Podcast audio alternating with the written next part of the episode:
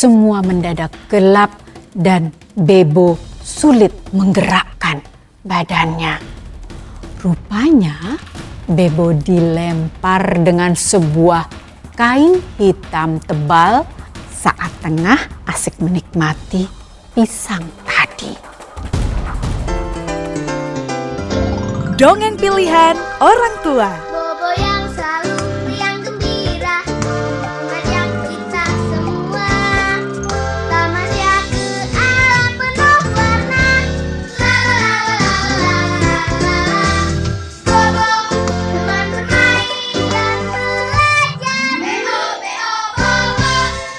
Halo, ketemu lagi dengan Kak Lucy. Kali ini Kak Lucy akan membawakan sebuah dongeng dari majalah Bobo.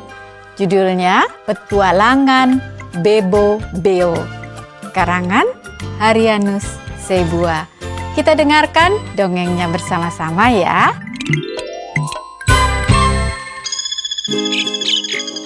Di pedalaman hutan Andalas, hiduplah seekor burung beo bernama Bebo. Bebo tinggal di sebuah pohon yang besar bersama beberapa burung lainnya. Siapa saja temannya? Ada Giga, si burung gagak, Tuk-tuk, si burung tuk-tuk-tuk, Pelatu, Alak, si burung jalak, dan Han-Han, si burung hantu. Bebo memiliki kemampuan istimewa loh. Sebagai burung beo, ia bisa menirukan bahasa manusia. Oh, menarik ya. Bebo mempelajari bahasa manusia dari keluarga tukang kayu yang tinggal di sebuah gubuk di pinggir hutan Andalas. Setiap hari, Bebo terbang ke pepohonan dekat gubuk tersebut. Bebo menguping percakapan mereka. Selalu ada kata-kata baru yang ditirukan oleh Bebo. Ah, gitu. Setiap hari Bebo punya kata baru. Saat kembali ke sarang, Bebo kadang-kadang memamerkan kata-kata yang baru ditirunya kepada teman-temannya.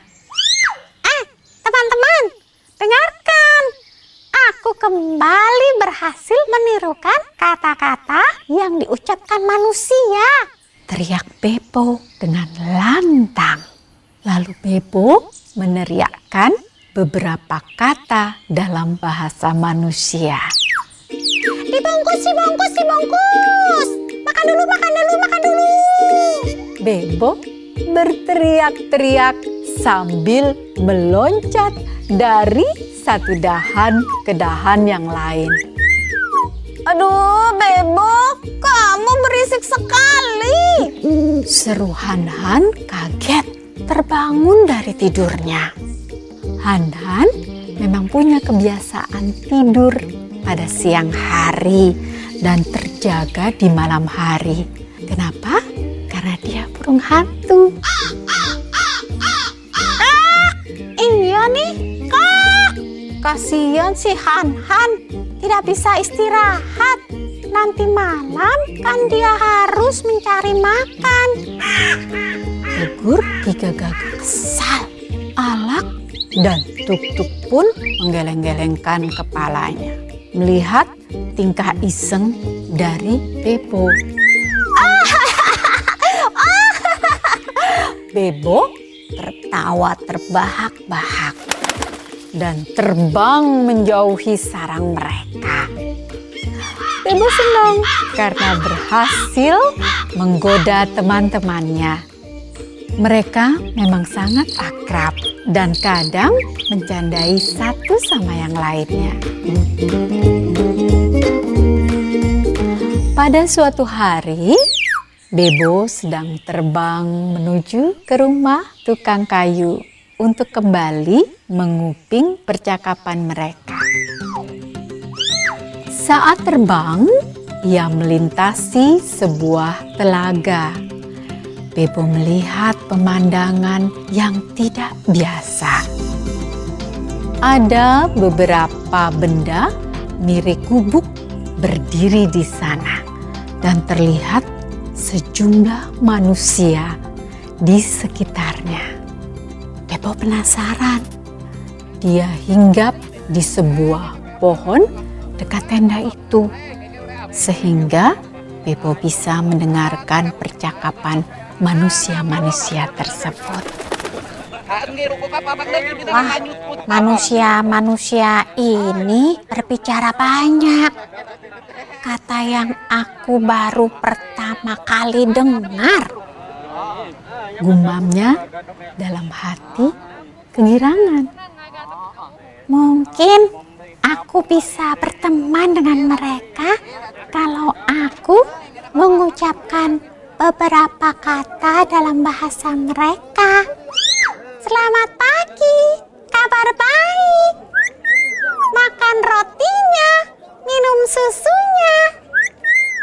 Tiba-tiba Bebo berteriak keras mengucapkan beberapa kata bahasa manusia yang diketahuinya. Tingkah laku Bebo itu menarik perhatian para manusia tersebut. Lihat, bukankah itu Beonias yang langka? Kata salah seorang dari mereka dengan mata berbinar menatap ke arah Bebo. Iya benar Pak Bulo, itu Beonias. Badannya besar dan sudah pintar berkata-kata dalam bahasa kita. Pasti harganya sangat mahal. Kata manusia yang mengenakan topi koboi coklat. Bram, coba ambil potongan pisang dari perbekalan kita. Burung beo itu kan suka pisang. Mari kita jebak dia. Kata Pak Bulo yang sepertinya adalah pemimpin mereka. Manusia yang bernama Bram masuk ke dalam tenda dan mengambil sebuah pisang dan meletakkannya di tanah dekat Bebo. Nah, benar kan? Mereka mau berteman denganku. Mereka menawarkan pisang kegemaranku.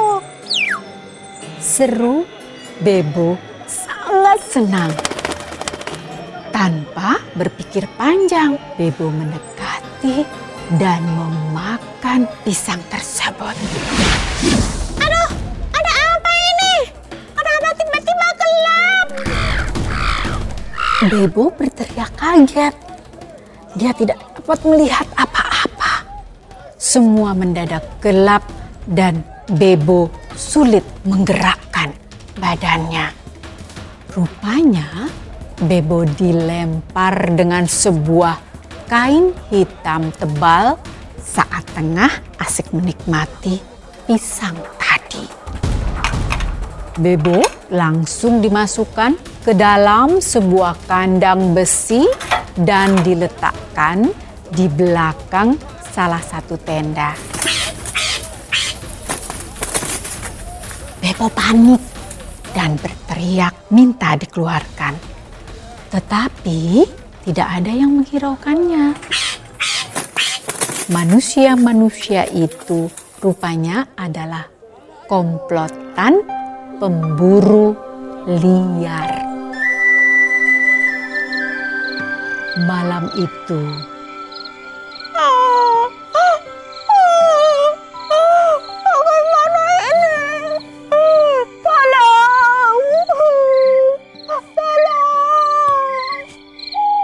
Bebo nangis tiada henti. Hei Bebo, kamu ngapain di dalam sana? Tiba-tiba sebuah suara menyapa Bebo. Kaukah itu Han Han? Ah, tolong, tolong keluarkan aku dari sini. Aku dijebak. Bebo menghentikan tangisnya dan sangat gembira ketika mengetahui itu adalah suara Han-Han. Aku tidak tahu cara mengeluarkanmu, Bebo. Eh, sebentar. Aku kembali ke sarang kita dulu ya.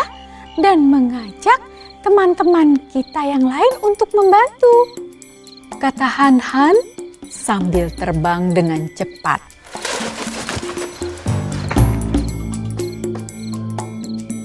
Tak lama kemudian, Han-Han, Giga, Alak, dan Tuk-Tuk tiba di dekat kandang Bebo. Giga, kamu kan jago mencari benda-benda kecil. Tolong cari kunci kandang Bebo. Kami bertiga berjaga-jaga dan mengawasi para pemburu itu. Hanan memberikan arahan kepada teman-temannya. Beberapa waktu kemudian, Giga kembali membawa sejumlah kunci. Aku tidak tahu yang mana kunci kandang Bebo. Aku bawa semua saja. Kata Giga. Tenang, serahkan pada Tuk-Tuk. Dia jago mematuk cepat. Dia bisa mencoba kunci-kunci itu satu persatu dengan cepat. Han-Han menyerahkan kunci yang dibawa Giga kepada Tuk-Tuk. Tuk-Tuk pun langsung bergegas mencoba semua kunci. Tuk-Tuk akhirnya berhasil membuka kandang Bebo. Tanpa menunggu lama, Bebo segera terbang keluar dari kandangnya. Bebo dan teman-temannya kembali ke sarangnya di tengah hutan. Bebo, Han-Han, Giga, Tuk-Tuk, dan Alak semakin akrab sekarang. Mereka hidup rukun, damai, dan saling membantu. Begitu dongeng untuk kali ini. Apa ya pesannya? Iya, pesannya kita harus setia kawan, membantu teman yang berkesusahan dan harus menyayangi hewan-hewan termasuk beonias yang langka. Sampai jumpa di dongeng berikutnya. Salam. Hai teman-teman, terima kasih sudah mendengarkan dongeng pilihan orang tua. Sampai berjumpa di dongeng berikutnya ya teman-teman. Dadah!